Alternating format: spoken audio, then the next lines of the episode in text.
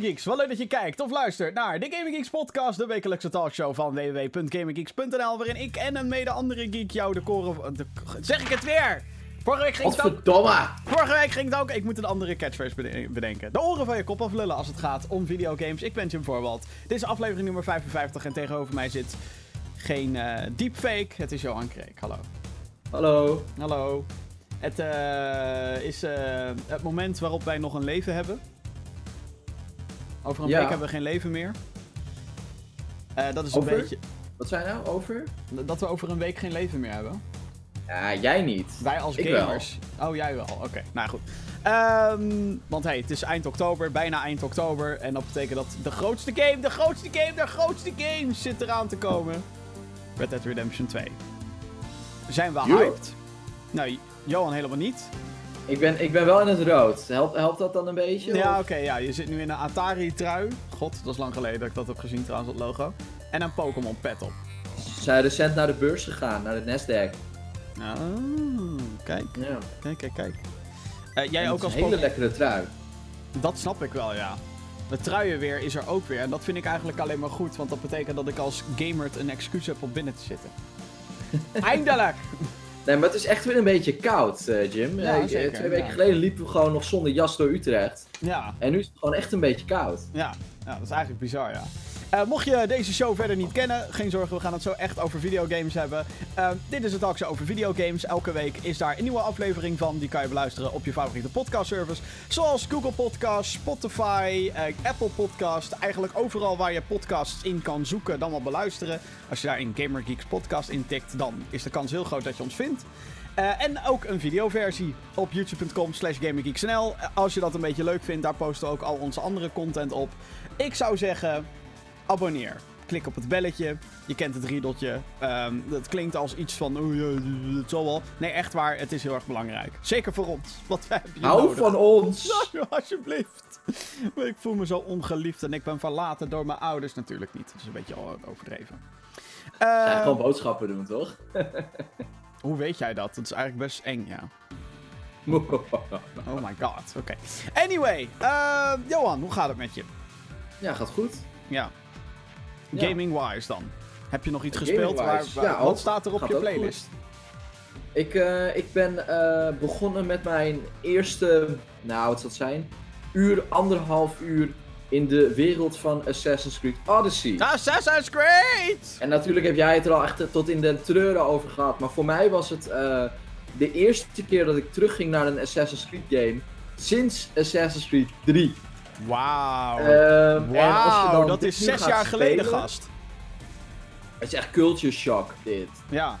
Ik bedoel, ik heb, eh, ik heb wel toen eh, ehm, eh, even Syndicate op zo'n beursje gespeeld. En Unity heb ik ook nog wel een keer gespeeld op een of andere beurs. Allemaal wel gebeurd, maar nooit heel uitgebreid gespeeld. Origins helemaal niet gespeeld, overigens. Ehm, want dit lijkt natuurlijk meer op Origins dan al die andere delen. En ik dacht ja, echt ja. van, wow, what the fuck, dit is geen Assassin's Creed meer. Eh, nee, dat klopt wel. Ja, het is een open world game. Ehm, eerst vroeger, al, en dan hebben we het inmiddels over best wel lang geleden, was het nog een stealth serie. Waarbij je zo sneaky mogelijk en zo onopgemerkt mogelijk eh, een open wereld eh, ja, langs ging en daar targets uitschakelde. Het is inmiddels gewoon een actie-RPG geworden. Ja, nou ja, inderdaad, inderdaad. En eh, begrijp me niet verkeerd, dat is, het is echt een heel lekker spelletje. ja, Alleen ehm, als je er zeg maar ingaat met het idee van, oh, ik ga weer een, een Assassin's Creed game spelen, dan kom je eigenlijk wel van een hele koude kermis thuis. Want eigenlijk, voor mijn gevoel, alles dat de reeks de reeks maakte, zit er niet meer in. Natuurlijk, er is nog wel een beetje stelt en eh, eh, de- er is nog steeds wel die, die verhaallijn over die Templars en die Assassins, maar Ja, dat zit ja. echt heel diep begraven in die game. Dat is waar. Ja. ehm, ja, nee, eh, wel heel tof. Alleen ik had echt zoiets van, oké, what the fuck is dit? En dan de combat, dude. What the fuck? Wat, ik, ben, wat- ik wat ken? Assassin's Creed als een, als een game waarin je soort van af en toe een keertje terugslaat. Maar je hebt nu gewoon, gewoon active combat, waarbij je moet dodgen en shit. Ik vind het echt super tof. Ik Ja, echt nou, heel ik- vet. Voor jou is natuurlijk die transformatie veel heftiger dan, ehm, nou ja, voor mij bijvoorbeeld. Want ik heb elke mainline Assassin's Creed game heb ik gespeeld. Ja, dames en heren, het is echt zo erg. Ehm, het is echt, oh man. Eh, ja, maar echt. Ehm, en, eh, en Origins, dat is de game die hiervoor uitkwam. Dat was in het oude Egypte. En dat was Ja. inderdaad ook al wat meer, of wat meer. Dat was ook gewoon een actie-RPG. Waarin je gewoon rondgaat, je accepteert missies. Je kan dingen wel sneaky aanpakken. Maar de kans is heel groot dat je ontdekt wordt. En dan is het gewoon, hup, zwaard tevoorschijn, schild tevoorschijn, hakken en gaan. Eh, en dodge moves. Eh, en Odyssey, dat is dus de nieuwe waar we het nu over hebben. Die speelt zich af in het oude Griekenland. Dus het is al lang geen zand meer. Dus dat vind ik al, zeg maar, heel erg vet. Dat je dezelfde type gameplay hebt, maar dan nu met een rijke, beboste wereld met groen en, en meer kleur. Alhoewel ik, ook moet, ja, alhoewel ik ook moet zeggen dat ik Origins ook een prachtige game vond hoor. Dat, eh, ook al was dat dan in de woestijn, want Egypte. Alsnog wist die game wel te variëren, wat ik chapeau daarvoor. Maar, Ja, nou, absoluut. Daar heb ik ook het, het een en ander van gezien, inderdaad. En dit is, ja, dit is eigenlijk gewoon weer voortborduren op dat. Met nog meer toevoegingen eigenlijk. Zoals wat je al zei, de abilities. Dus je hebt een Spartan kick en je hebt een soort... eh, dat je van Ja. de afstand eh, een, een, een speerpunt kan gooien. En dat je op die manier mensen stiekem kan uitschakelen. Ehm, ik snap de identiteitscrisis. Eh, als in, hè, als je heel lang geleden Assassin's Creed hebt gespeeld... dan is dit inderdaad dat je denkt... Oké, eh, waar is de sneak factor gebleven? Eh, ze hebben wel wat elementjes ervan in zitten. Maar ik denk dat ze breder wilden gaan met de franchise. Dat is hier zeker mee gelukt, denk ik. En ik zit nu Mhm, op de ja. ongeveer 30 uur, geloof ik. Eh, en ik ben zo'n idioot die wil overal vinkjes zien. Dus het is voor mij echt gewoon super relaxed. Gewoon, oké, ik ga hier naartoe. Eh, je hebt natuurlijk wel weer dat hele dat je op een gebouw moet klimmen... en dat dan dat adelaartje om je heen gaat vliegen. Dat zit er nog steeds in. Ja, ja, ja, klopt. Nee, maar inderdaad, maar dat zijn wel echt de, de weinige soort van aspecten eh, die, ik dan, die ik dan nog terug herken als, eh, als Assassin's Creed. Ja, maar nogmaals, ik vind het heel tof hoor. En vooral die combat. Ik, ik ben natuurlijk. ja, het, is geen, het is geen Dark Souls, maar je krijgt wel wat meer dat gevoel van: oké, het maakt dus wel echt uit of ik geraakt word of niet. En ik kan ook echt ontwijken. Het is niet meer een soort van passief. Alleen maar eh parryen en, en terugslaan, weet je wel. En dat, eh, dat Ja, vind ik heel ja. tof. En dat was voor mij even een soort van: oké, eh, leuk. ja nee, het Anders, is... eh, anders een spelletje geworden, maar wel leuk. Ja, ik, ik, ik, ben, ik ben er heel erg blij mee met hoe Assassin's Creed Odyssey nu is. Er is wel wat controverse geweest hierover. Ik weet niet of ik het hier vorige week ook heb gehad, over heb gehad met Vincent. Maar er was dus een controverse. Je kan dus via microtransacties. Ja, heb je het over gehad. Die Helix Points of zo, ja, dat je, dat je experience boosts kan kopen. Ja, jongens, ik luister ook naar de Gaming Geeks podcast. Ja, ja. Ja, ja, bitch, ja. woe. In de auto. Het is wel echt een perfecte plek om dit soort dingen te beluisteren, ja. Ook die Ja, van mij. nee. Ehm, of die van ons, moet ik zeggen, dames en heren. Ehm, ik heb een spel gespeeld. Heb je misschien ook wel eens wat van gehoord? Eh even kijken, iets met een, een plicht en zo. En dat het naar je geroepen wordt. Plicht. Oh ja, Call en of Duty, Iets met een duty. Ja, tuurlijk, ja. Call of Duty Black Ops 4 is uit. Eh, inmiddels... eh, eh, oh, datum van opname. Ik vergeet het gewoon elke keer. Datum van opname is 20 oktober 2018. Dus mocht er... Is acht dagen uit. Ja, dus mocht je iets... mocht er ineens breaking news komen... Wij kregen net te horen dat Luke Cage gecanceld werd op Netflix. Doei! Doei, Luke laag. Eh, Harlem redt zich wel hoor. eh, ehm, maar goed, ja, Call of Duty Black Ops 4 is nu een week uit.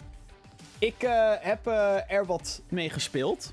Ik heb heel veel gescholden. Ik heb al met toetsenborden gegooid. Ik speel hem op de PC natuurlijk. Het is de allergrootste shooter franchise die we kennen, die we hebben. En Ja. dit jaar is het geen singleplayer meer, maar een Battle Royale mode. Ja. Nu moet ik daar me- meteen bij melden. Ik heb in de final build, oftewel wat er nu uit is, heb ik nog geen Battle Royale gespeeld. Oké, dus je hebt alleen de traditionele, hè, traditionele tussen haakjes, shooter actie eh ja, de, beleefd. de, de Team Deathmatch, de Domination, de, de ehm, god hoe heet die ene? Hardpoint heb je. airborne. Ja, de control mode waarbij je een soort van rondes neemt van één keer moet je verdedigen en de andere keer moet je aanvallen. Ja, ja, ja, ja. Ehm, ik vind het eigenlijk best wel leuk. het is een, eh, een game die. eh, het is gewoon Call of Duty zoals je het kent. Dus heel snel, supersnel schieten. eh killstreaks zitten er natuurlijk in. Perks, de verschillende type wapens. Assault rifles, submachine guns, bla bla bla bla. Ehm, en dit keer is het met wat meer Overwatch-elementen. Dus je kiest nu ook een class. En die class heeft dan een, een A-move. En nou, afhankelijk van welk karakter je bent, kan het, kan het dus een soort flashbang zijn. Of een spawn point. Of een, een cluster grenade. Eh, of eh, wat andere. Een, een barbed wire bijvoorbeeld, zodat je mensen blokkeert Mhm. dat ze niet zomaar ergens doorheen kunnen. Eh, dat is best cool, vind ik. En dan heb je ook nog eens een ult. En eh, daar merk je dus van: oké, dit is dus een supersterke move die je niet zomaar om de havenklap kan inzetten. Ehm, En die is dan ook weer per specialist anders of ja, zo? exact. Ja, ja, ja die is ook weer anders. Ehm, dus dat is een soort extra element die ze hebben toegevoegd. Natuurlijk omdat ehm, hè, Overwatch heel populair is en daarna allerlei andere games het gingen overnemen. Het, het, Ja. het is voor mij zowel een voordeel als een nadeel dat die dingen erin zitten. Het voordeel is, de grenade spam is weg, want niet iedereen heeft granaten meer. Dat is afhankelijk van je Eh, class. True. Dus eh, daar waar je eerst zeg maar niet aan het begin van dat level eigenlijk ergens heen komt, omdat iedereen altijd bij de drukste punten granaten gingen spammen, dat ligt nu wel wat anders. Ehm, en het andere verschil, of het, het nadeel vind ik ervan, is dat sommige van deze abilities echt fucking overpowered zijn. Waardoor je bij sommige game modes en levels complete lul bent als iemand in het begin een killstreak en een ultimate heeft. Want dat kan allebei. Die twee dingen kunnen gecombineerd worden. Want killstreaks Oh, zijn nog steeds op basis van het aantal punten wat je in één leven binnenhaalt. Ja, want, Eh. want killstreaks vond ik eigenlijk ook al een, had ik al een beetje een probleem mee met, met, de, met de oudere Call of Duty games. Ja, Omdat je, als je zeg maar een killstreak hebt, maak je met die killstreak maak je kills. En genereer je weer, zeg maar, eh, ja, nieuwe punten voor een, een nieuwe killstreak. Dus in potentie kun je nog een killstreak doen. En nog een killstreak doen. Nou Dus is, daar had ik al moeite mee. nou is dat natuurlijk wel zo dat een, een kills gemaakt door een killstreak leveren veel minder punten op. Dus- true, true. Maar ik, ik snap je punt, inderdaad. Eh, alleen het probleem is, kijk, ik, ik speel het liefste ehm, van die control maps. Dus eh, eh, hè, de, ene keer moet het team aanvallen, moet dan twee punten overnemen en de andere moet het verdedigen. Daar heb je ook een aantal levens, dat vind ik dan ook wel cool. Dus dat je Mhm. niet zeg maar als een idioot eh, erin moet gaan de hele tijd, want anders verlies je dus de levens, je punten. Ja. Ehm, en Domination. Alleen die modi zijn dus compleet naar de kloten door dit systeem. Want ik heb dus al een paar potjes gehad dat een gast gewoon een dikke killstreak haalt in één ronde. Vervolgens in de tweede ronde of de derde ronde zo, gewoon een attack chopper inzet. Mhm. Die gewoon natuurlijk bij zo'n punt blijft klooien. Waardoor je eh, gewoon geen schijn van kans hebt om een punt over te nemen of überhaupt te verdedigen. Ja. Waardoor voor mij die balans echt compleet naar de knoppen gaat. Dit is Ja. natuurlijk wel iets anders in Team Deathmatch. Maar het blijft natuurlijk het principe: de rijken worden rijker in dit geval. Dus als je een newbie bent, zoals altijd geweest bij Call of Duty. Eh, daar komt ook mijn frustratie van de afgelopen jaren. Echt, ik scheld alles naar de kloten. Want de mensen die je vaak tegenkomt online hebben gewoon objectief betere wapens. Die hebben betere scopes, ze hebben een grip erop zitten waardoor ze sneller kunnen richten. En als je daar als newbie in komt, is dat zo pijnlijk. Want je hebt gewoon. Het is gewoon al 2-0, zeg maar, voor de tegenstander op dat Ja, moment. maar, maar daarmee leg je voor mij ook de, de vinger op de zere plek waarom ik dit bijvoorbeeld niet speel. Los van het feit dat ik eigenlijk niet van shooters hou. Maar is ook dat. Het is die soort van learning curve. Want als je dit zeg maar eh, eh, niet gewoon vaak speelt, dan, dan heb je er niet zo heel veel aan. Nee, want dan nee. word je er ook nooit beter in. nee, En dan is het alleen maar frustrerend. Voor Ik, eh, jou en voor je buren. Ja, En voor de mensen die steeds het toetsenbord moeten repareren. exact, ja. De mediamarkt die mij elke week ziet verschijnen met... Dag meneer, weer een toetsenbord. Ja hoor, komt u Oh. maar. Hoppa. Of is het een muis dit keer? Nee, maar... ehm, ja, nee, maar die, die frustratie had ik vorig jaar ook met World War II.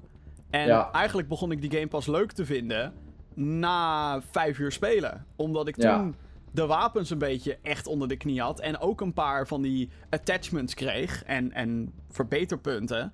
Waardoor ik een beetje op hetzelfde niveau kon zijn als mijn tegenstanders. Natuurlijk ben ik zo scheef als de neten, dus hè, als, als het echt gewoon mijn schuld is, dan, hè, dan accepteer ik dat. Oké, ik heb gewoon niet goed gericht daar. Ik, ik schoot helemaal scheef. Maar alsnog. Ja, eh, ik, eh, ik snap het. Ik snap het. Ja, Dat- ik ben gewoon heel benieuwd wat. wat... Battle Royale landschap. Wat Blackout doet, bedoel je, in het Battle Royale ja, landschap. Ja, precies. Nou, ik moet dus zeggen. ehm, eh, nou, laat ik dit toch even zeggen over die multiplayer. Ondanks Ja. die frustratie die ik net benoemde, vind Mhm. ik het wel een van de tofste. Call Oké. of Duty's. En dat is misschien veel te vroeg gezegd, want de game is pas een weekje uit en ik heb alleen nog maar. Hè, ik ben nog helemaal niet zo hoog level en bla bla bla. Maar ik heb wel zoiets van: oh ja, lekker knallen. En soms dan, nogmaals, dan, dan ga ik heel gefrustreerd ga ik die game uit. Omdat ik dan gewoon een paar potjes keihard ingemaakt word. Maar als het dan gewoon redelijk gaat, dan heb ik zoiets van: oké, dit is gewoon lekker. Ja, Ja. Ik, ik schiet vaak mis, maar alsnog. Dan de Battle Royale, Blackout. Het is mega populair op Twitch. Ik zei het van tevoren al. Player Unknown's Battlegrounds is eigenlijk gewoon dood. Want, Ja, is, het, eh, is, is dat al gelukt? nou ja, ik denk dat ze dat gaat lukken. Want de, ehm, de gameplay is... Het is sowieso heel raar om Call of Duty in een grote open veld te zien. Dat is zo weird. En ehm, eh, eh, ik kijk vooral... Ik heb wel heel veel streamers gekeken die de Blackout mode spelen. Die zijn er natuurlijk ook veel beter in dan ik. Om Ehm, je een beetje te laten inspireren en te leren. ja, maar echt gewoon. Maar echt. ik, ik durf anders gewoon Blackout niet in. Ik heb het een paar keer in de beta gespeeld. En ik dacht van, nou, ik kan hier helemaal niks van. Dat is wel weer een bewijs. Ik kan niks van, van Battle Royale titels. Zowel Fortnite als, als dit niet. Als PlayerUnknown's Battlegrounds niet hoor. Maar, ehm, ja, ik moet toch zeggen, het ziet er heel polished uit. De, de gameplay elementen lijken goed te werken. En ehm, het voelt nog wel een beetje doelloos aan. Voor mij zeker, want ik heb zoiets van, ja, als je eenmaal hebt gewonnen, wat dan? Als in de multiplayer van Call of Duty is dat natuurlijk wel echt anders. Omdat je daar daadwerkelijk andere wapens kan unlocken en perks en, en dat soort dingen. Wat ook weer voor de imbalance zorgt. Maar goed, ja. mm. Ja. Ehm, en, en ik zie gewoon dat het een beetje de, de sfeer heeft van Player Unknown's Battlegrounds. Maar dan dat het werkt. Want Player Ja. Unknown's Battlegrounds Ja, oké. komt nog steeds over als een soort buggy, half afgemaakte meuk. Die er voor de helft ook echt niet uitziet. En dan komt hier een Call of Duty game. En dan denk ik, ja, die pakt het Ja. wel goed aan. Kijk, Fortnite is echt gewoon... Dat is zo huge en dat is zo groot. En dat is ook echt zijn eigen ding qua cartoonstijl en het bouwen. En ja, dat zit hier precies. natuurlijk Maar dat is ook heel slim, want daarmee is het gewoon compleet onderscheidend. Ja. Helemaal op het oog op de doelgroep is het natuurlijk nog slimmer. Ja, zeker. Ja, en free-to-play ook. En dat is Call of Duty natuurlijk niet. Nee. Ehm, dus ja, ik denk dat Player Unknown's Battlegrounds echt een groot probleem heeft. De playerbase was al aan het zakken de hele tijd. Ik ben heel benieuwd hoe dat... Nou, nu is Call of Duty een week uit. Ik ben heel benieuwd hoe de playerbase van Player Unknown's Battlegrounds over een maand of One twee maanden is.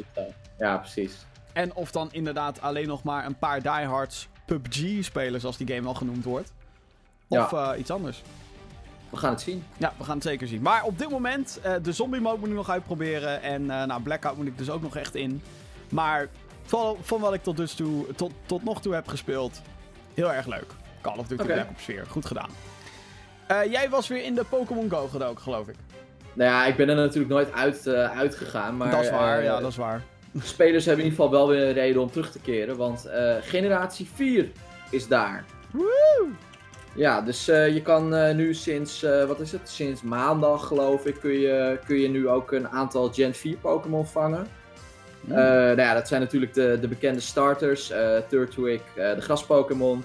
Chimchar, het, het vuuraapje. En Piplup, het, ja, Even- het even- bad-eentje Even voor, eigenlijk. even voor duidelijkheid, Pokémon Go is natuurlijk dat mobiele spelletje waarbij je rondloopt en de hele tijd met je vingertje swipet om zo Pokémon te vangen. En dan is generatie 4 is dan afkomstig van Pokémon. Diamond en... Oké. Ja. Ja, dus dat is eigenlijk voor mij een beetje de, de, de, ja, de, de downfall geweest van Pokémon. 3 had ook al dat ik echt keuzes dat ik dacht van, nou, flikker op. Eh, maar bij 4 eh, bij vier was ik, stond ik eigenlijk echt niet meer achter de, achter de diverse monstertjes. Maar ja, het geeft wel weer reden om, eh, om Pokémon Go te spelen. Ehm, dat niet alleen. Eh, ze hebben ook een update uitgerold waarin de balancing van eh, welke Pokémon je op welk moment tegenkomt en hoe, hoe divers dat is. Dat hebben ze ook aangepakt. En ik kom zo waar nu niet iedere keer een Pidgey tegen. Of iedere keer een Bidoof, of iedere keer... Weet je, eigenlijk elke generatie heeft een soort van Pidgey-achtig karakter. Eh, en eh, ik, ik heb nu wel het idee dat als ik op straat loop, dat ik, eh, dat ik vier, vijf verschillende Pokémon zie zitten. En dat ik niet zoiets heb van, oh ja, daar heb je die weer. Het is wel, het is wel wat diverser allemaal. Dus ik hoop, ik hoop dat, ze die, ja, dat ze die lijn voort kunnen zetten. Zodat, ja, zodat het gewoon leuk blijft om te spelen. Maar in ieder geval weer een x-aantal van die... ik weet echt niet hoeveel er nu bij zijn gekomen. Gen 4 is volgens mij ook nog niet volledig uitgerold. Eh, maar de, de eerste 50 of zo, die kun je nu, eh, kun je nu wel vangen. Of eh, uitbroeden. Sommige zijn exclusive voor eitjes. Dan heb je ook weer een paar regional exclusives. Die je dus alleen kan krijgen door ergens anders naartoe te vliegen en dat te gaan ruilen. Maar ja, nee, ik... ja, voor mij gewoon een reden om ook te blijven spelen. Dus, leuk. Hoeveel kunnen ze nog uitbreiden aan het hele Pokémon Go? En heeft dit ook te maken met Pokémon Let's Go? Eh, nou ja, het heeft denk ik vrij weinig te maken met Let's Go. In de zin van dat Let's Go natuurlijk eh, focust op de Kanto-regio. Eh, de, de eerste regio die je nog al kent van seizoen 1 van Pokémon, de Indigo League. Ehm, eh, dus dat zijn alleen de eerste 151. Nou is dat al niet meer helemaal waar, want ze hebben ook gezegd de Alolan vormen, eh, die dus eigenlijk Gen 7 zijn, die kun je ook eh, eh, vangen in Pokémon Let's Go. Of in ieder geval transferen van je Go naar je Let's Go. En Ah, ja. eh, Melton, een nieuw aangekondigde Pokémon, die waarschijnlijk generatie 8 eh, gaat zijn. Kortom, alvast de voorbereiding op. Die maakt ook zijn opwachting in Pokémon Let's Go. Voor Dus degene, daar- daar- voor degene die Daar nou, zijn ze wel mee bezig. ja, voor degene die het nou echt niet meer snappen. Sorry. eh, het is dus een gevalletje. ehm, Pokémon Let's Go is de Switch game die aankomende maand uitkomt. 16 november, 14 november. Woep. 16. Woep. 16. Eh, en, en die heeft zeg maar een beetje de gameplay van Pokémon Go overgenomen. Maar dan op de Nintendo Switch. Komt ook een Pokéballetje Ja. bij. En Gen 8 is dus de nieuwe, nieuwe, nieuwe, nieuwe echte Pokémon RPG. En die komt volgend jaar naar de Nintendo Switch. Ja, Jeetje. Ja, nee, dus eh, ja, nee, en ze zijn voor, voor mijn gevoel ook in ieder geval in Go nog niet. eh, maar die games zijn ook een beetje los van elkaar natuurlijk. Want Go is nu dus bij generatie 4. Ja. En zeg maar, hè, als je echt alle Pokémon games soort van hebt gespeeld, Pokémon. zit je nu eigenlijk gewoon te wachten op generatie 8. Ja. Daar komt het op neer. Dat is gewoon de echte nieuwe Pokémon game. Dat is echt een nieuwe Pokémon inderdaad. En ja, Let's Go ga ik wel spelen. Mede natuurlijk ook omdat ik al Go speel. En ja, weet je, het is een remake van Pokémon Yellow. Ik zit dus, En ik zit dus keihard vet. te twijfelen of ik Pokémon Let's Go voor de Switch moet halen. Ik heb al eerder deze twijfels uitgesproken. Uiteindelijk zei ik Ja. van ik doe het wel. Mhm. Maar ik heb hem nog steeds niet gepreorderd. En eh, ik heb ook zoiets van als ik hem haal, dan wil ik dat pokeballetje erbij hebben. Waarmee je dus letterlijk kan 113 gooien. euro, Oeh. Ja. Ja. Maar ik twijfel gewoon heel erg. Omdat hoe meer ik over die game lees, hoe, hoe meer Ja. het duidelijk wordt dat dit echt gewoon de meest basic game ooit wordt. Zo van, nou oh ja, ja, maar nee, je het, het, is er- meer je dat moet er niet functies... te veel van proberen te maken, inderdaad. Het is gewoon. eh, ja, het is gewoon Pokémon Let's Go. En het is eigenlijk gewoon een, een veredelde eh, mobiele game. Hè, als Ja. ik hem echt heel erg chargeer. Ja. Een veredelde mobiele game die nu verschijnt voor de Nintendo Switch. Ja, en ik, ik, hoe meer ik lees, hoe meer het zo is van dit zit er niet in. En dan denk ik, ah, fuck, fucking hell. Ja, wat, wat, wat, wat ik zeg maar heel erg in de gaten aan het houden ben, en daar is gelukkig deze week een soort van update over geweest, is de, eh, de post-content. Zeg maar de post-game content in ja, dus eh, eh, in, alle. Pokémon ga je zeg maar langs een paar trainers en uiteindelijk kom je bij de Elite Four. En als je die hebt, is Precies, je en dan sla je de. Pokémon League, dan ben je Pokémon kampioen, en dan, weet je wel. En daar, daar ben ik heel erg huiverig op, van wat, wat ga ik dan doen? Ik heb al bij, bij ook main release Pokémon games, heb ik ook wel eens gehad, eh, Pokémon X en Y bijvoorbeeld, had ik echt zoiets die postgame, dat, what the fuck man. Die postgame was in Pokémon Gold en Silver nog beter, dus eh, ik, eh, ik hou mijn hart een beetje vast. Maar ik heb er wel zin in, en zeker ook in Let's Go. Nou, eh, zometeen gaan we het hebben over eh, Blizzard. Die zegt voorlopig nee tegen Diablo 4. Days Gone is uitgesteld en Epic die zet zich flink in tegen cheaters. Natuurlijk gaan we ook nog even die mailbox openen. Even kijken of, nog wat binnen, of er nog wat binnen is gekomen. Mocht je vragen hebben voor de show, podcast at gamergeeks.nl natuurlijk. En de releases. Ha, maar laten we eerst naar het eh, gesprek van de dag gaan. Ehm, Yeah. Ik weet niet of jij dit hebt meegekregen, maar eh, nou goed, het datum van opname is nogmaals 20 oktober 2018. Het Ja. is nog zes dagen verwijderd totdat de grootste game van dit jaar uit gaat komen. En dat is natuurlijk Red Dead Redemption 2. Eh, dat is een open world game waarin je als een cowboy speelt. Het is in het Wilde Westen. En eh, hoe meer info er verschijnt over die game, hoe ambitieuzer het lijkt. Dingen zoals, oh ja, eh, je haar groeit, je nagels groeien. Je moet naar de kapper om dat te laten knippen. Want dat heeft ook invloed op hoe mensen op jou reageren. Je kan de minimap uitzetten. En als je dat doet, dan gaan mensen jou meer directions geven. Dan kan je vragen, oh, ga langs die berg. En dan ben je de grote oude boom naar links. En dan kom je bij ons stadje terecht. Dat soort dingen. Ehm, kennelijk zijn er zelfs physics in paardenballen ge- gemaakt. Kortom, Ja. dit wordt de ultieme vorm van digitaal cowboytje spelen. Maar er is meer aan de hand. Want eh, afgelopen week is er veel over gesproken. Niet zozeer vanwege de game zelf, maar vanwege een uitspraak van Dan Houser. Hij is een van de co-founders en grote bazen bij Rockstar, de studio achter Red Dead Redemption 2. Oh ja, en een klein spelletje genaamd Grand Theft Auto 5. Oh ja, die. Ja. Eh, hij had in een interview met Variety gemeld dat personeel eh, werkweken hebben gehad van meer dan 100 uur. Ja. Wauw, tering. Eh, discussies die barsten vervolgens los eh, online over de zogeheten crunch. Dat is dus een periode waarbij mensen echt heel erg hard en non-stop bijna eh, gaan werken om deadlines te behalen. Houser legde later uit aan andere media dat het ging om, een, eh, om het schrijfteam van de game. Die hadden dus ook een deadline voor alle dialogen in Red Dead Redemption 2. Meerdere eh, Rockstar en oud-Rockstar medewerkers hebben zich sindsdien uitgesproken over de werkomstandigheden. Ook heeft Rockstar zelf toestemming gegeven om voortaan dingen te tweeten op social media erover. Daar zat eerst een soort van verbod op, vanwege geheimhouding. Mhm. En ja, dat, dat, dat is dus een beetje het, het- de grote discussie geweest online afgelopen week. Dus ja, in hoeverre is zoiets acceptabel? Eh, bepaalt het jou eh, eh, als keuze om een game te spelen of niet? Want het is natuurlijk ook knap lullig als personeel die aan een game werkt gewoon misbruikt wordt. Maar Ja. nogmaals, wat betreft Red Dead Redemption moeten we daar dus... Moeten we alles met een grote korrel zout nemen. Want er zijn dus heel veel medewerkers die hebben gezegd... hey, dat 100 uur was echt alleen maar voor vier man... die op dat moment gewoon aan het schrijven waren. En dat was hun eigen keuze. En ze werden gewoon betaald voor het overwerken. Ik heb Ja. dat nog nooit meegemaakt. We hebben natuurlijk allemaal wel eens dat we, dat we moeten overwerken, bla bla bla. En dan zijn er ook weer tweets gekomen van oud-medewerkers die hadden gezegd... hey, vroeger bij GTA 4, toen eh, eh, zo'n tweet had ik gelezen... toen moest ik gewoon elke dag er zijn, ja, ook in het weekend, want anders. Weet je wel? Dus Ja.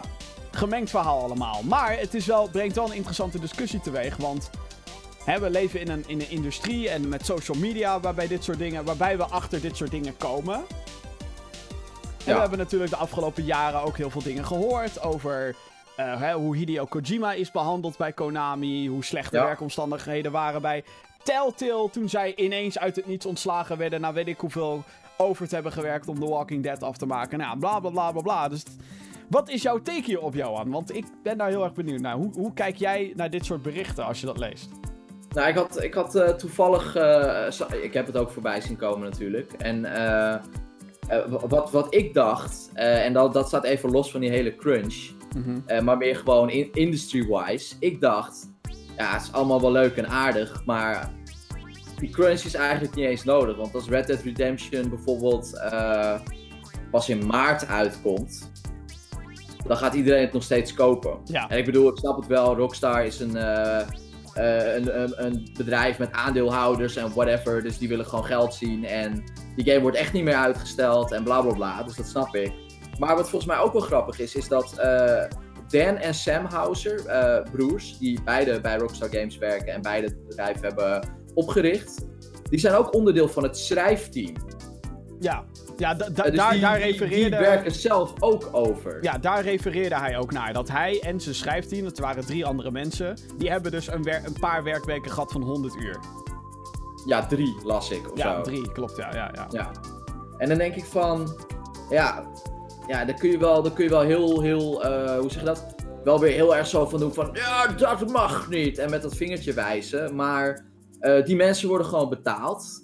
Eh, die mensen werken bij, bij fucking Rockstar Games. Dus die zullen ook niet onderbetaald krijgen. Hoop je. Eh notabene, een van de, nou, dat denk ik niet. uh, notabene een van die main guys, die, die doet het zelf ook. Dus het is niet dat hij zegt van, werkslaven! En dat hij lekker naar huis gaat. Uh, althans, hè, zoals we het nu hebben gelezen niet. Ik bedoel, uh, het, e-, het, echte, de echte waarheid zal ergens in het midden liggen, zoals altijd. Uh, maar ik heb zoiets van, ja, weet je, crunch times en dat soort dingen, we zijn er inmiddels allemaal mee bekend. En een product moet gewoon op tijd af zijn. Uh, op de een of andere manier hebben we het altijd over de crunch times van, van games, terwijl uh, met, met film en muziek wellicht niet anders is. Televisie, um, televisie lijkt me ook fucking stressen, jongen. Binnen een jaar moet er een nieuw seizoen zijn van 16 afleveringen van The fucking Walking Dead. What? Are you kidding me, bro? Ja, ja, weet je, dat soort dingen. En dat, dan heb je het niet alleen over het schrijven, maar ook het draaien, et cetera. Um, dus ja, ja, toen ik dit las en toen daarna ook nog, nog een keer daar commentaar op kwam, dacht ik echt van, ja oké, ja, het zal wel. Uh, het is gebeurd. Uh, hij heeft gezegd dat het is gebeurd. Uh, die game komt er nu aan. 500.000 lines of, of dialogue of zo, weet ik veel.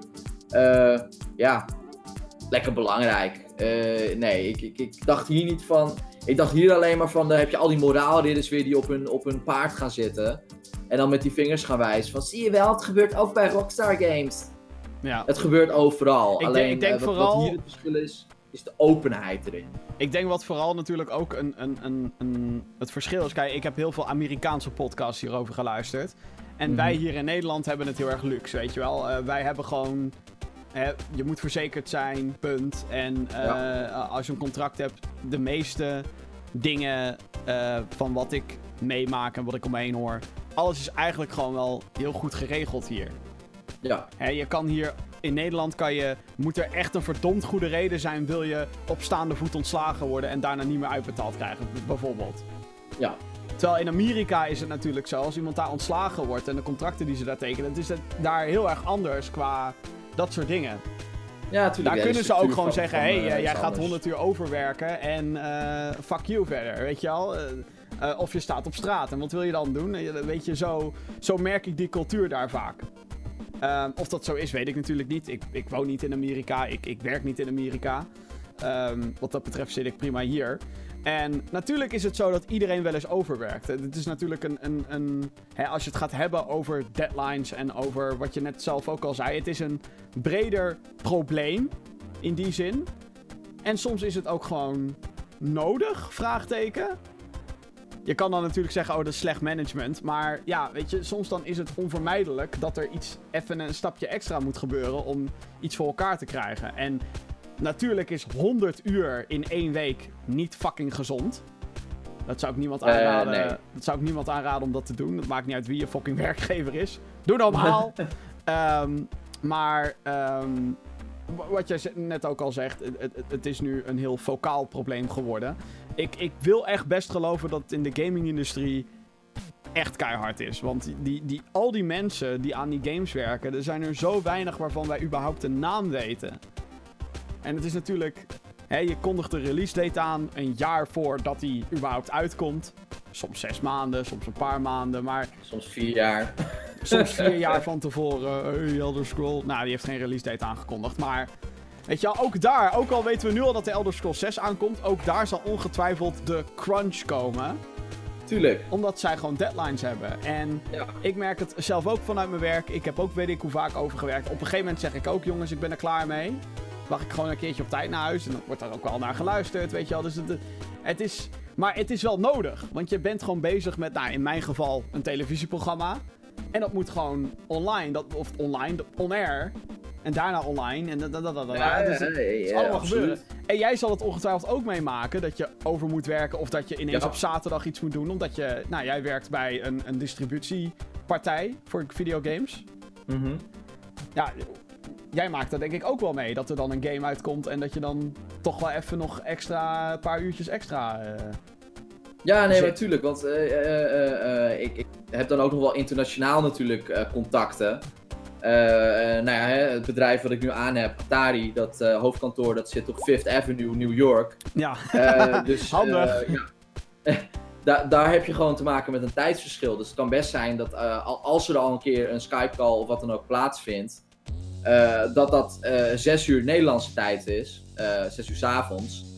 En dat is normaal gesproken de tijd dat je dan naar huis zou gaan en even wat eten en bla bla bla. Maar die mensen die zijn daar dan net twee uur wakker. Ja.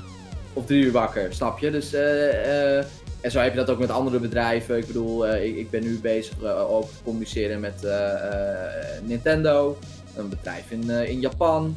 Weer een ander tijdsverschil. Dus zo is er altijd wel wat. Maar, maar los van, van tijdsverschillen of niet. Soms moet iets gewoon af. En, en ik denk dat dat eigenlijk de core, het core probleem is. En nou word ik heel diep filosofisch. Er is gewoon te weinig tijd. Überhaupt. Voor videogames en voor werk. Er is gewoon überhaupt te weinig tijd. En, en, en, en de deadlines die gesteld worden, eh, die zijn daarmee wellicht ook niet eh, realistisch. Nee. En, Want dan had je moeten zeggen van neem dan nog een extra half jaar, dan hoef je niet 100 uur eh, te werken. Ja, en zoals, je bij een, en zoals je bij een vakkenvullersbaantje eh wel eens hebt dat je, weet ik veel, iets laat vallen waardoor je ineens een, een, een, een supermarktschap moet schoonmaken. Zo is het bij videogames dan natuurlijk zo dat er ergens een bug wordt ontdekt van kut, dat moeten we fixen. Precies, ja, zoiets zal het zijn inderdaad. Ja. Dus eh, ja, nee, maar nogmaals, weet je, Maar heb je daar ook over persoonlijke de hele ervaring? discussie. Maar heb je daar ook persoonlijke ervaring mee gehad? Dat als de release date nadert, dat het dan even.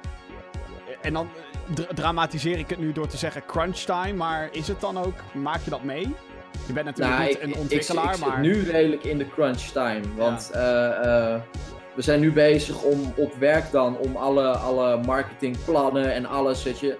Kijk, eh, het, verschil met zeg maar alle andere landen, minus België. Wij hebben 5 december en niet 25 december. Ja, dat klopt, ja. ja. Ehm, dus wij werken toen naar 5 december. En voor 5 december eh, moeten bepaalde titels moeten gewoon bij mensen op de, op de kaart staan. Mensen moeten weten van, oh hé, hey, die shit komt eraan. Eh, en ja, dat, daar, dan moet je marketing gaan bedrijven of wat dan ook. En het kan best zijn, eh, om je een idee te geven. Gisteren gingen wij in een meeting om een aantal plannen soort van groen licht te geven. Mhm. Om kwart voor twee gingen we zitten.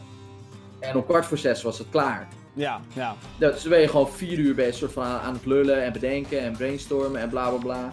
Eh, volgende week ga ik sowieso overwerken. Dan laten we pizza komen en dan, eh, dan maken we het echt helemaal rond. Eh, Ja, dit is dat dan is dan natuurlijk geen crunch time. Maar ik heb ook wel eens verhalen gehoord van ontwikkelaars waar gewoon bedden in de kantoren stonden.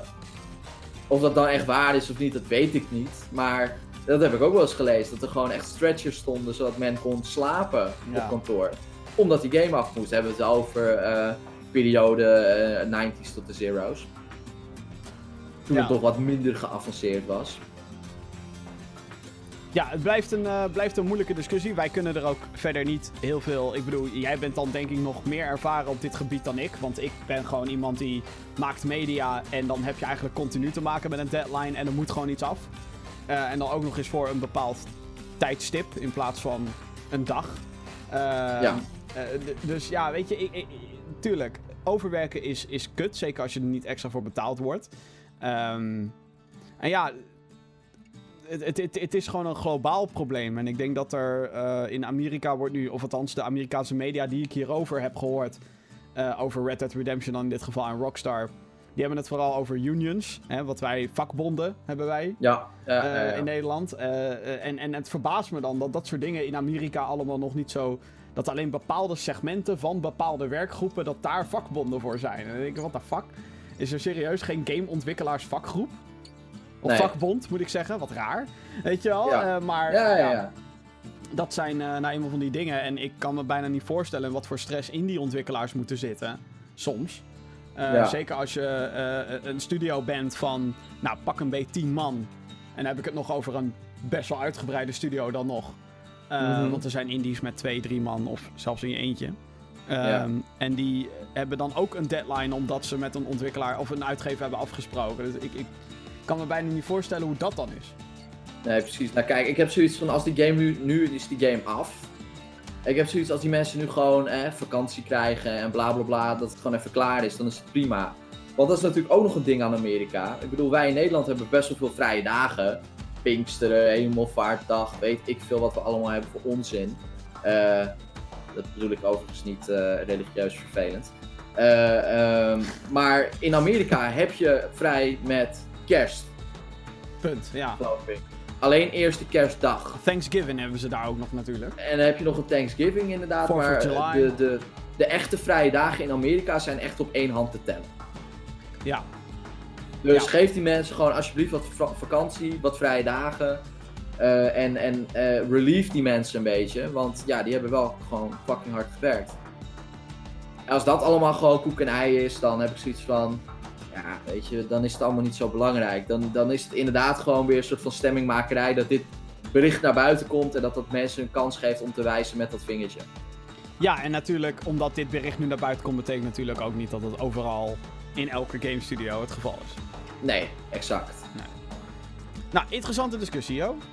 Absoluut. Goeie insight eh, van jou. Eh, gaan we naar het nieuws van eh, de afgelopen week. Er is natuurlijk weer het een en ander gebeurd. Allereerst, Days Gone is uitgesteld. Alweer! Dit is een PlayStation 4 exclusive game gemaakt door Sony Band. Zij zijn bekend van Uncharted Siphon Gold- filter. Oh ja, zuivenfilter, ja. Tering. En Uncharted Golden Abyss. Ja. De PlayStation Vita game.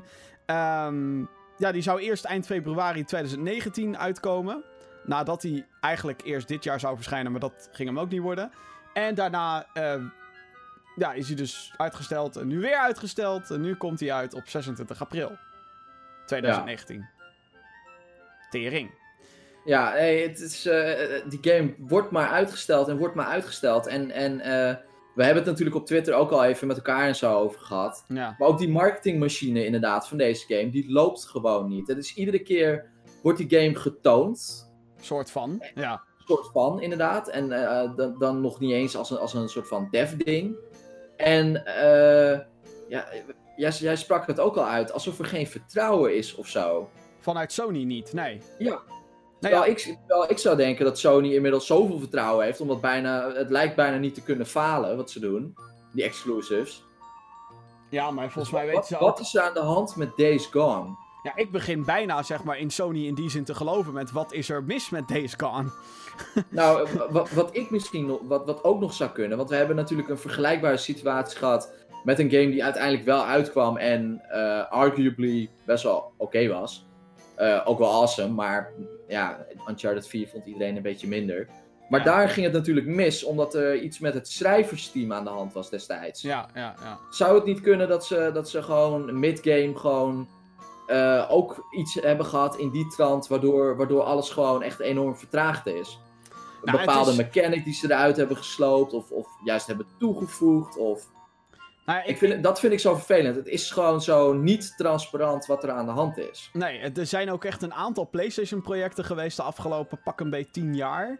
En die zijn zo fascinerend. Ik noem de Order 1886, die ook 14 keer werd uitgesteld voordat die eindelijk uitkwam. Nou, Ja. dat was een game die. eh, ik heb hem zelf niet gespeeld, maar ik weet wel dat wij toen een Gamescom-demo speelden en zoiets hadden van: nou, als dit het is, dan. eh, ja, weet ik het niet. Setting super cool, maar schietactie meh. Nou, game Ja. bleek ook maar 5 Ook- uur te zijn. Oké spelletje. ja, en als, je dan, en als je dan 60 euro daarvoor moet eh, spenderen, nou, fuck you.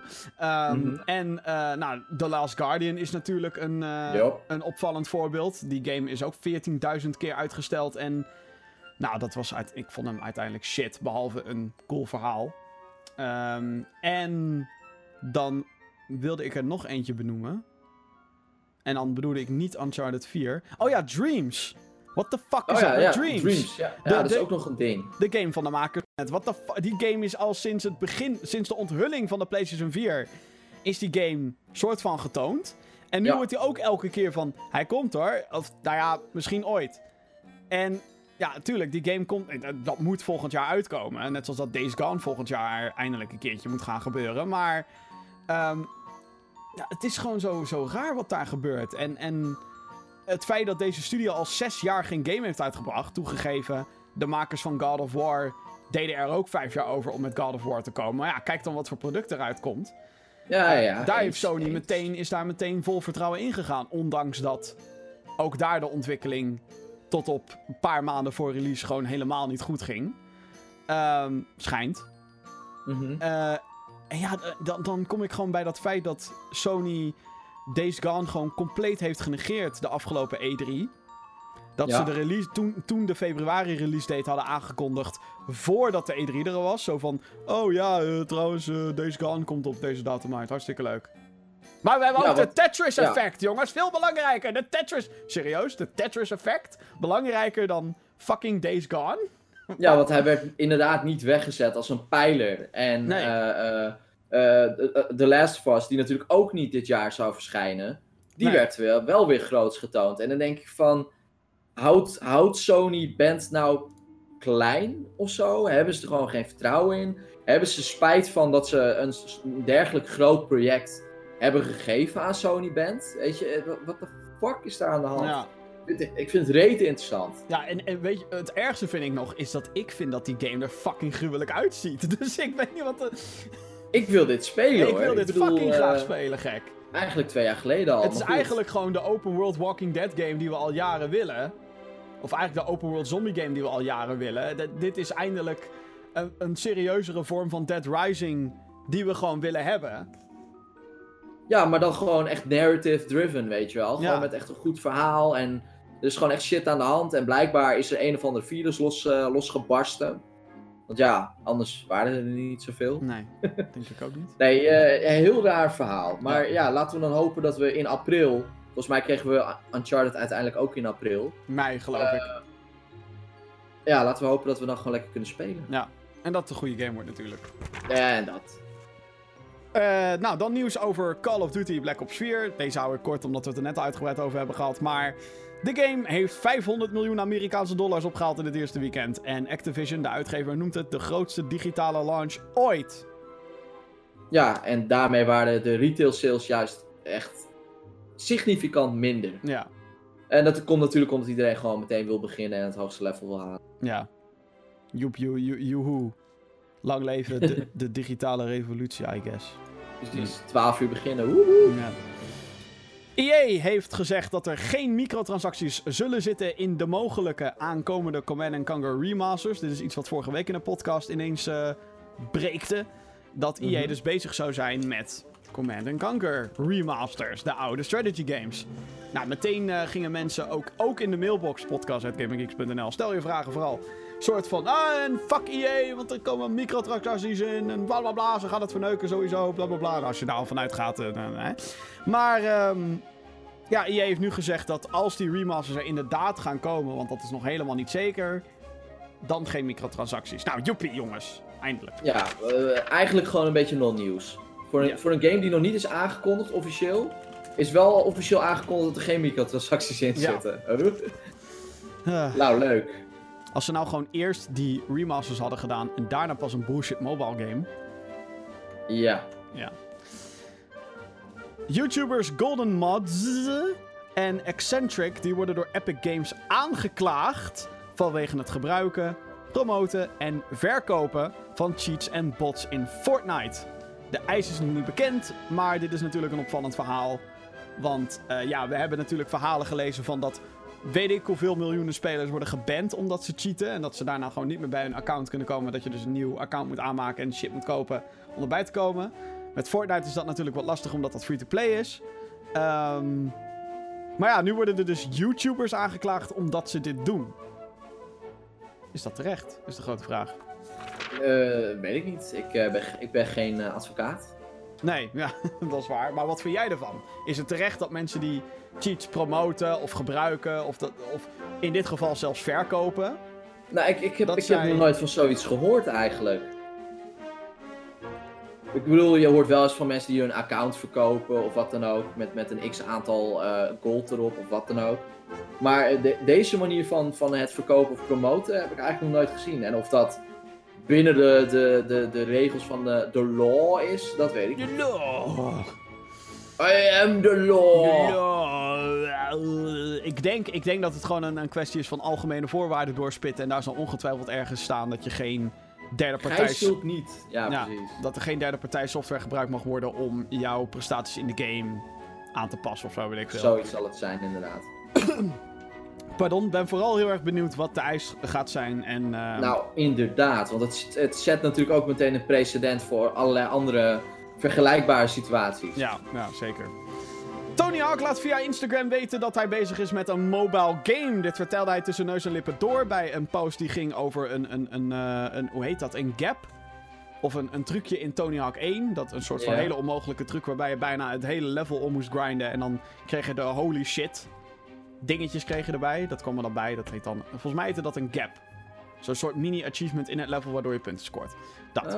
Eh, de game eh, gaat waarschijnlijk niet in samenwerking zijn met Activision. Want Tony Hawk heeft zelf ook zijn teleurstelling eh, geuit over Tony Hawk's Pro Skater 5. Fuck die game. Een, een leuk dingetje van Gamer.nl, dames en heren. Gamer.nl, daar heb ik dit vandaan. Die viel het op dat Rage Squid, een Nederlandse studio, die had eerder al Tony benaderd om samen te werken. En een paar weken terug postte zij een afbeelding van een skatepark die in een game gemaakt is. Hmm. Dus zijn die twee dingen met elkaar gelinkt? Vraagteken, vraagteken. Ah, Rage Squid is een, eh, is een Nederlandse studio. Ja, die zijn van Action Henk. Oh! En eh, d- ze hebben, volgens mij hebben ze nu ook een early access game, de Descenders geloof ik. Dat is een soort op eh, fietsen. Moto. nee, Ja, niet- ik zie het inderdaad. oh, maar dat gewoon- is, oh, ja, nou, dat, dat, dat is BMX en zo. Dus dat, Ja. dat zou echt wel in het DNA passen van een eh, Tony Hawk. Ja. Interesting. wie en een Matt. Hoffman. Hint, hint, Hint, hint, hint, hint, hint. Heeft die man nog? Volgens mij wel. Daar heb je wat van gehoord. Nu hoop ik niet dat we zojuist een hele lullige opmerking hebben gemaakt. CEO van Skybound Games heeft tijdens een Reddit AMA, Ask Me Anything, gezegd dat The Walking Dead The Final Season episode 3 nog dit jaar moet uitkomen. Althans, dat hoopt hij. Hij zegt er wel bij dat de productie van episodes 3 en 4 nu nog stilstaan. Eh mocht je dat gemist... zo'n rare uitspraak. Ja, en mocht je het eh, gemist hebben, Telltale... Eh, de ontwikkelaar, ontwikkelstudio Telltale Games heeft een, inmiddels twee maanden geleden 250 medewerkers uit de niet ontslagen. Een paar projecten werden gecanceld, waaronder The Walking Dead, The Final Season. Die op dat moment halverwege het seizoen was. Dus iedereen dacht, what the fuck? En toen heeft Skybound Games, overigens het bedrijf van de Walking Dead bedenker Robert Kirkman, heeft dus gezegd, hé, hey, dat gaan wij oppakken. Ja, Ja. Hmm. Raar verhaal. heel erg. Ja, ik, is het niet te snel om zoiets te zeggen? Ga je Ja, alleen maar valse, wel. valse beloftes maken? Waar, waar is, waar, waarom de haast? Mensen zijn al lang blij dat het is opgepakt. Ja. Total Biscuit, die wordt postuum geëerd in de eSports Hall of Fame. Eh, dat is een, nou ja, goed. Ik zeg het eigenlijk zelf al, een Hall of Fame. De Hollywood Walk of Fame, maar dan voor e-sporters. Hij is daar daarbij wel de eerste niet-speler die de eer krijgt. Eh, Total Biscuit, eh, zijn echte naam is John Bain. Hij overleed op 24 mei aan de gevolgen van darmkanker.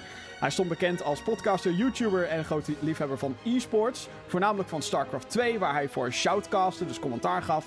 En hij had daar ook een eigen team in opgericht, Axiom Esports, die je ook op had gegeven vanwege eh, zijn ziekte. Ik ben groot fan van Total Biscuit, nog steeds. Ehm, dus ik vind het mooi dat hij deze eer krijgt. Ja, Groot, groot dat is een mooi geliefde- gebaar. ja, geliefd persoonlijkheid binnen, binnen de gaming stratosphere. Dus mooi dat dat eh, nu gaande is. En dat was eh, het nieuws van de afgelopen week. Maar er is natuurlijk meer, zoals de mail podcast.gamergeeks.nl. Dat is het adres waar je de hele week eh, naartoe kan gaan om jouw vragen te stellen. We gaan zo meteen ook iets geks doen, want ik heb namelijk in onze pri- Oh. privé Gamergeeks chat heb ik een code gekregen van Vincent. Die je vorige week in deze show hebt gehoord. En Oh ja. ja, Vincent ja, ja. die zei van Jim, dit moet je live tijdens de podcast moet je dit invoeren. Dus ik eh, ben heel benieuwd wat daar in godsnaam aan de hand is. Eh, Oh heb, jij, heb jij enig idee, Johan? Eh, ik, ik, als ik Vincent een beetje ken, en jij Vincent ook een beetje kent, dan weten we wel waar het naartoe gaat. Ja, ik ben, ik ben er bang voor. Maar eerst de mail. Eh, even kijken, ik krijg hier een mailtje waar geen naam... Oh jawel, Jens. Jens die mailt. Beste, komma. Wat denken jullie van de PSVR 2.0? Zullen we iets volgend jaar horen of o- op de E3 of pas 2020? Puntje, puntje, puntje, vraagteken. Komt er überhaupt een PSVR 2.0? Ik denk zelf van wel, want ik denk dat de PlayStation VR... Sony zet daar zo dik op in, daar komt een vervolg op. Wat denk jij, Johan? Ja, ik vind het, ik vind het heel moeilijk. Want enerzijds eh, heb ik soms het idee dat Sony zoiets heeft van... eh, laat de indies maar lekker ontwikkelen. En eh, weet je, het is leuk dat je die, dat je die, dat je die bril thuis hebt liggen, maar wij zijn er even niet mee bezig. En anderzijds er komen er wel weer gewoon spellen uit zoals dat Astrobot laatst. Dat ik denk, dat is echt een fucking leuk spelletje. Holy shit. Ja. Waarbij ik weer denk van oké, Sony ondersteunt het nog wel. Ehm, dus ja, nee, eh, als, als, we zeg maar, kijken naar wat, wat Sony zeg maar, doet, dan denk ik zeker dat eh, PSVR, dat gaan ze niet opgeven. Waarom niet? zij zijn op dit moment de enige die op, eh, op een normale consumentenprijs, tussen haakjes, afhankelijk van wat voor consument je hebt en hoe groot je portemonnee is, VR kunnen aanbieden. En dat het nog niet bij iedereen is aangeslagen en bla bla bla. Ik, ik, zal je, ik je iets heel geks vertellen. Niemand, eh, eh, er is geen wereld waarin iedereen ooit VR zal spelen. Omdat sommige mensen worden er gewoon, worden er gewoon misselijk van, krijgen er hoofdpijn van. Het is gewoon niet voor iedereen. Het is net als toen met 3D, weet je wel. Niet iedereen kan daar tegen. Dus er zal nooit een, een, een volledige dekking zijn voor mensen die en een PS4 en een PSVR hebben. Maar dit gaan ze niet opgeven. Dus ik geloof wel dat er. Ja, nou ja, ik, ik, weet niet of er meteen een nieuwe uh, set aankomt. Ik weet ook niet of je dat nu al moet doen. maar dat ze blijven ondersteunen, dat lijkt me logisch. Wat ze beter kunnen doen is zorgen dat de huidige PSVR, waar niet al te veel games voor uit zijn, vind ik zelf. En waar de ondersteuning dus een beetje wisselend is. Zorg dat dat ding compatible is met die PS5. En Ik ga denk, dan nog eh, een keertje rammen op PSVR. En als je daarna, of daarnaast zelfs, een andere eh, bril wil uitgeven, dan moet je dat zeker doen. Ik denk inderdaad wat jij zegt dat het het geval zou zijn. De huidige PSVR gaat compatible zijn met PS5 bij launch. En ik denk dat we een jaar daarna, of anderhalf jaar daarna, dat Sony komt. Oké, tijd voor de volgende stap. De PlayStation 5 is er. Veel mensen hebben nu hopelijk een PlayStation 5. Hier is de nieuwe VR. En die gaat, weet ik hoeveel verbeteringen hebben ten opzichte van de PS4 VR. Ehm, even ervan uitgaande ook dat PlayStation 5 backward compatible wordt met PlayStation 4. Ehm, ik denk wel dat ze dat gaan doen. Ik denk dat ze nu een te sterke positie hebben in de VR-markt. Om dat Ja. zomaar los te laten. Dit is iets wat alleen maar kan groeien. En nou ja, goed. Ik denk dat dat wel gaat- gebeuren. En als ze echt heel erg balzie zijn, dan doen ze een standalone headset zoals Oculus dat doet. Maar dat is iets, dat is echt toekomstmuziek. Dan hebben we het over inderdaad 2020, 2021 verhalen. Ja. Dus. Oh, eh, oh wacht, sorry. Eh EP's Rumors heeft gevraagd. Dag Gamergeeks, misschien een domme vraag, maar de PlayStation 5 Next Gen zou waarschijnlijk wel standaard 4K 60 fps zijn. Hmm, weet ik niet. Eh, wat zal er dan gebeuren met de PC? Want als de Next Gen 4K 60 fps is, waarom dan nog PC gamen? Omdat je dan 8K kan gamen. Toch? Heel simpel, omdat je, ik denk niet dat eh, Play- PS5 standaard 4K 60 fps gaat zijn. Dat gaat het gewoon niet redden. Ehm, dat denk ik. De technologie Ja, is er gewoon nog ik- niet. dat is wel echt iets waar ik namelijk op hoop. Dat, nou, het ligt eh, er, maar het, het zal net zo zijn als nu PlayStation 4. Hè, Bloodborne is 30 fps, maar een Devil May Cry zal 60 fps zijn, afhankelijk van hoe je dat aanpakt. Ehm, ja, ik, ik denk niet dat we bij elke game standaard 60 fps gaan halen. Oh nee, nee, maar ik bedoel meer dat de PS5 wel native eh, 4K gaat Nou, zijn. ja, ja, ja, ja, ja, ja. Ja, en of het tuurlijk. 60 fps is, dan, ja, dat, dat verschilt ook weer per ontwikkelaar natuurlijk en per game. Maar ja, PC, PC ontwikkelt altijd sneller, altijd meer snufjes, altijd meer anti-aliasing trucjes, hogere textures, bla bla bla bla bla. Dus waarom, PC is gewoon modulair. ja, waarom, Heel simpel. ja, waarom PC gamen? Omdat het gewoon meer kan. Punt. Of je dat Ja. nou wil of niet. Betekent overigens niet dat ik consoles overbodig vind, want ik heb ook, ik ben trotse bezitter van een PlayStation 4. Ik heb daar zelfs ook nog eens mijn eh, eh, VR-headset voor. Dus ja, dat. Hé, dan moet je even die Astrobot gaan halen, man. Ja, die, die heb ik, eh, die heb ik. Ik heb een code voor. Dus dat. Beste Gamer Geeks, het is, dit is van Olé, dit. Olé. Het is intussen maar meer een. het is intussen al meer dan een maand geleden dat de laatste Nintendo Direct is geweest. Toch heb ik hier nog een vraag over voor jullie. In, in de Direct werd Civilization 6 voor de Switch aangekondigd. Denken jullie dat dit een goede set is van 2K Games of niet? Hmm. En moet ik de game gaan kopen? eh, en dat je daarbij vermeldt dat je nog nooit een Civ game hebt gespeeld. Ik heb Civ 6 nog nooit gespeeld. Ik weet dat eh Finn er best wel dol op was. Het is wel een downgraded versie van Civilization 6. Logisch, want hij is op de Switch. Uiteraard. Maar het is En, natuurlijk... en, en wat ook wel belangrijk is om te beseffen, is natuurlijk, het is niet een standaard strategy game. Het is een 4X strategy game. En dat is niet voor iedereen. Nee, echt niet. Nee.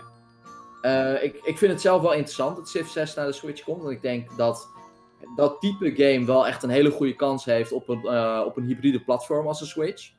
Ik denk dat het heel tof is om een beetje te zitten schaken in, in de trein of in het vliegtuig. Ehm, dus ja, de- denk ik dat het slim is? Ja, ik denk het wel. Want ik denk, eh, als ik nu even zo uit mijn hoofd, is er niet een andere high die 4X strategy game voor de Switch. Of jij moet er eentje uit je mouw kunnen schudden. Nou, geen idee. Nee. nee. Dus eh, ja, het, het, het kan in potentie een vacuüm vullen in de markt. En ja, dan is het heel slim. Wat Dan wel dom is, is de release date. Want volgens mij is het in november, daar waar iedereen al games uitbrengt. Dus Ja, ik, ik- dit had gewoon in januari, februari moeten ja, wanneer mensen weer geld hebben. ja, dit is wel echt een niche van een niche van een niche van een niche van een niche. Maar ja, dat gezegd hebben, het kan best zijn dat de mensen die deze niche spelen, geen Red Dead Redemption spelen. Maar die hebben dan waarschijnlijk dan wel al Civilization 6 op, dan wel PS4, Xbox of PC. Ja, Soort dat dan weer wel. Stef die mailt, beste Jim en mede geek, eh, in de Season Pass van Assassin's Creed Odyssey zit Assassin's Creed 3 Remastered erbij inbegrepen. Dus gaan jullie de Season Pass halen voor die Remastered en wat vonden jullie van de game in 2012 en waarom dan? Ik kreeg de Season Pass bij de Motherfucker Collector's Edition die ik kreeg. En ja, dat, dat er dan een remaster van Assassin's Creed 3 bij zit, vind ik dope. Ik vond de game zelf teleurstellend toen de tijd, omdat het zoveel potentie had en daar uiteindelijk niet heel veel mee deed. Dat gezegd te hebben, in deze remaster zit ook de DLC die ik nooit heb gespeeld, omdat het mij toen de tijd teleurstelde. En Assassin's Creed 3 Liberation, de PlayStation Ja. Vita spin-off. En dat vind ik dan weer super vet. Ik vind het eigenlijk bizar dat dat in de Season Pass zit allemaal. Ik vind die Season Pass vind ik echt over uitgebreid. Wat ik Ja. heel tof vind hoor, overigens. Wel 40 euro, Eh, maar goed. Ja, eh, Assassin's Creed 3, ja oké, maar ik heb twee games plus nog die hele die content drops. eh, Dus nee, ik vind dat een goede prijs. Assassin's Creed 3 is voor mij de, de game geweest in de reeks waar ik ben afgehaakt. Ik heb hem ook niet afgemaakt. Ik vond het, ik vond het gewoon, ik had al moeite met Revelations eigenlijk. De, die heb ik al met moeite afgemaakt. Ja. Assassin's Creed 3 had ik echt zoiets van, oké, fuck dit. Fuck deze serie. Fuck dit. Ik was er klaar mee. Ja. Eh, en wa- waarom vond ik dat? Omdat je in het begin eh, word je soort van opgeleid door een soort van Morgan Freeman-achtig character of zo. Om alle dingen die je eigenlijk in al die andere Assassin's games al een keer hebt gedaan, opnieuw te gaan leren. Waarom is er niet een optie om te zeggen: Ik ken al een Assassin's Creed game, fuck dit, ik snap al hoe dit werkt en leg alleen de nieuwe mechanics uit. Nou, En laat me niet nog een keer een soort van de baby steps als een assassin soort van doorlopen. Ja, en ik vond dat ook gekut met die jonge Connor, grote Connor en dan die... Het was, eh, die het, was, andere- het was een game die zo. Die, het was een game die zo'n raar tempo had. En, en nou, nogmaals, een, bijna En elke. de setting werkte ook niet, omdat er gewoon te weinig hoogbouw was, voor mijn gevoel. ja, ja, nee, dat ook. En dat hele jagen was gewoon saai Ja, op die beesten daar in die game. Dat was echt. nou, they have come a long way. ja. Beste Gamer Geeks, een paar dagen geleden meldde Huawei dat zij een telefoon gaan maken die volgens hen de concurrentie aan zou gaan met de Nintendo Switch. Ja, Deze telefoon krijgt ook een soort Joy-Con, maar dan een vaste en enkel aan de linkerkant. Ik denk persoonlijk dat dit een enorm dom idee is zonder enige kans van, scha- eh, van slagen. Wat denken jullie? Gaat Huawei met dit idee ook maar enige kans maken? Nee, natuurlijk niet. Wat denk jij dan? ja is, eh, eh, veeg je dat zo snel van, eh, Ja. Ga weg. van tafel? Nou ja, kijk, Kijk, eh, mobile, dat, dat mobile ze- games, ik heb vaker wel eens van die, van, die, hè, van die dingen gehad van... Oh ja, een controller aan je mobiel. Super handig, super leuk. Prima, kan allemaal wel. Waar het niet dat elke ontwikkelaar die een mobile game maakt... er vanuit gaat dat je alleen een touchscreen hebt. Ehm, sommige games hebben natuurlijk wel Bluetooth controller ondersteuning, whatever. Ik geloof niet, ik geloof gewoon echt niet dat er mensen zijn die een telefoon kopen om op te gamen. Ik geloof Oké, het maar dat, niet. dat zeg jij nu als, als westerling. Eh Huawei is natuurlijk een Chinees bedrijf. Oh Eh, ja. En als Ja. je dan bedenkt uh, dat dat, dat dat stukje gadget ook uitkomt in Ja. China, Japan en zo. Ja, Waar mobile gaming echt fucking groot is. nog, Touché, touché. Eh, dan denk ik, ja, het concurreert met de Nintendo Switch. Ja, wel als het gaat om die specs die ze hebben laten zien.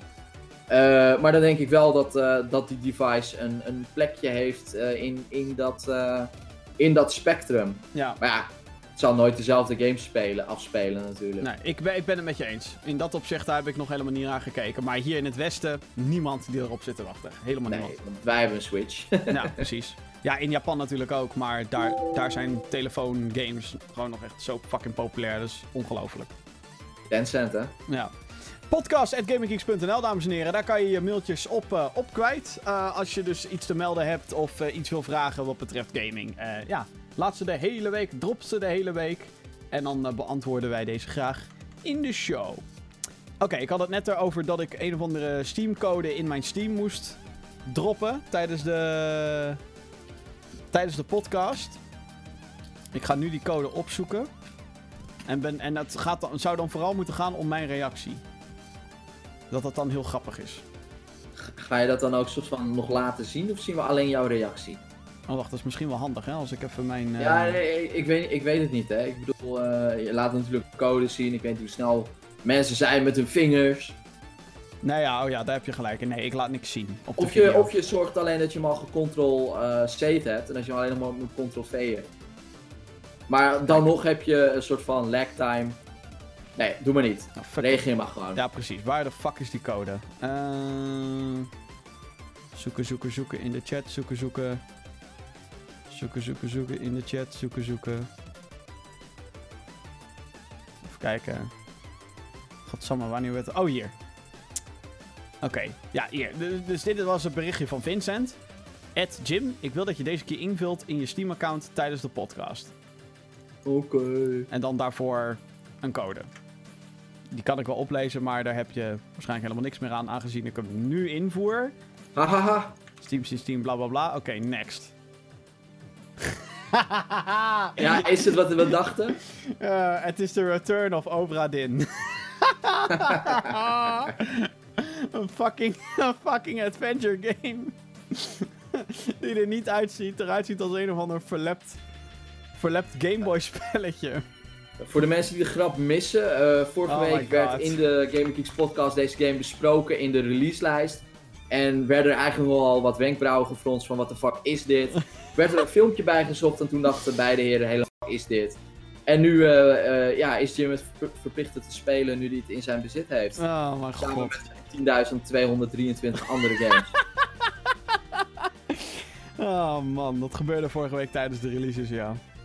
Godsamme. Daarover gesproken. Ik vind het er tof uitzien, maar goed. Dat, eh, Echt? Ja. Nou, kut, Ja, had hij maar het had hij maar aan jou, aan jou moeten geven.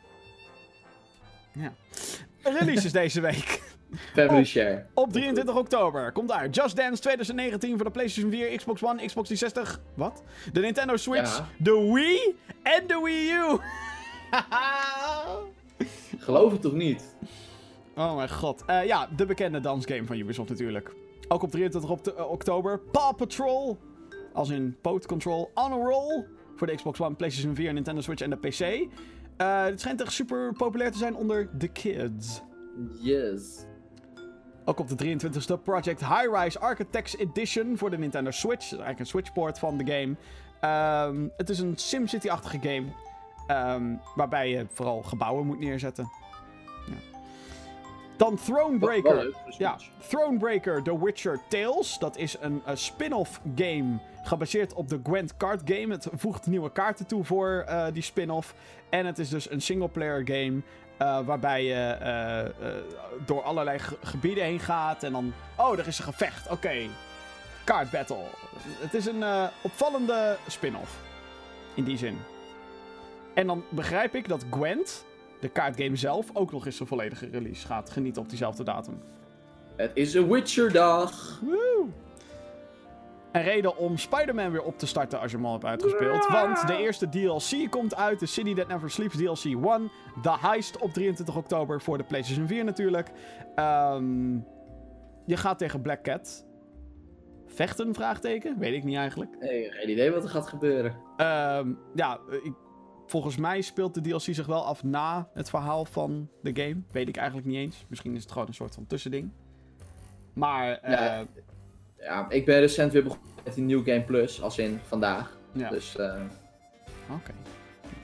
heb er Eh, zin aan. Ik denk dat ik wacht totdat alle DLC er is. En dat ik dan alles Ik niet. Nee, Ik nee. niet. Windjammers komt op 23 oktober naar de Nintendo Switch. Dat is een remake van een eh, schijnt hele eh, verslavende sportgame. Die in 1994 in arcadehallen stond. Op 24 oktober Lethal League Blaze.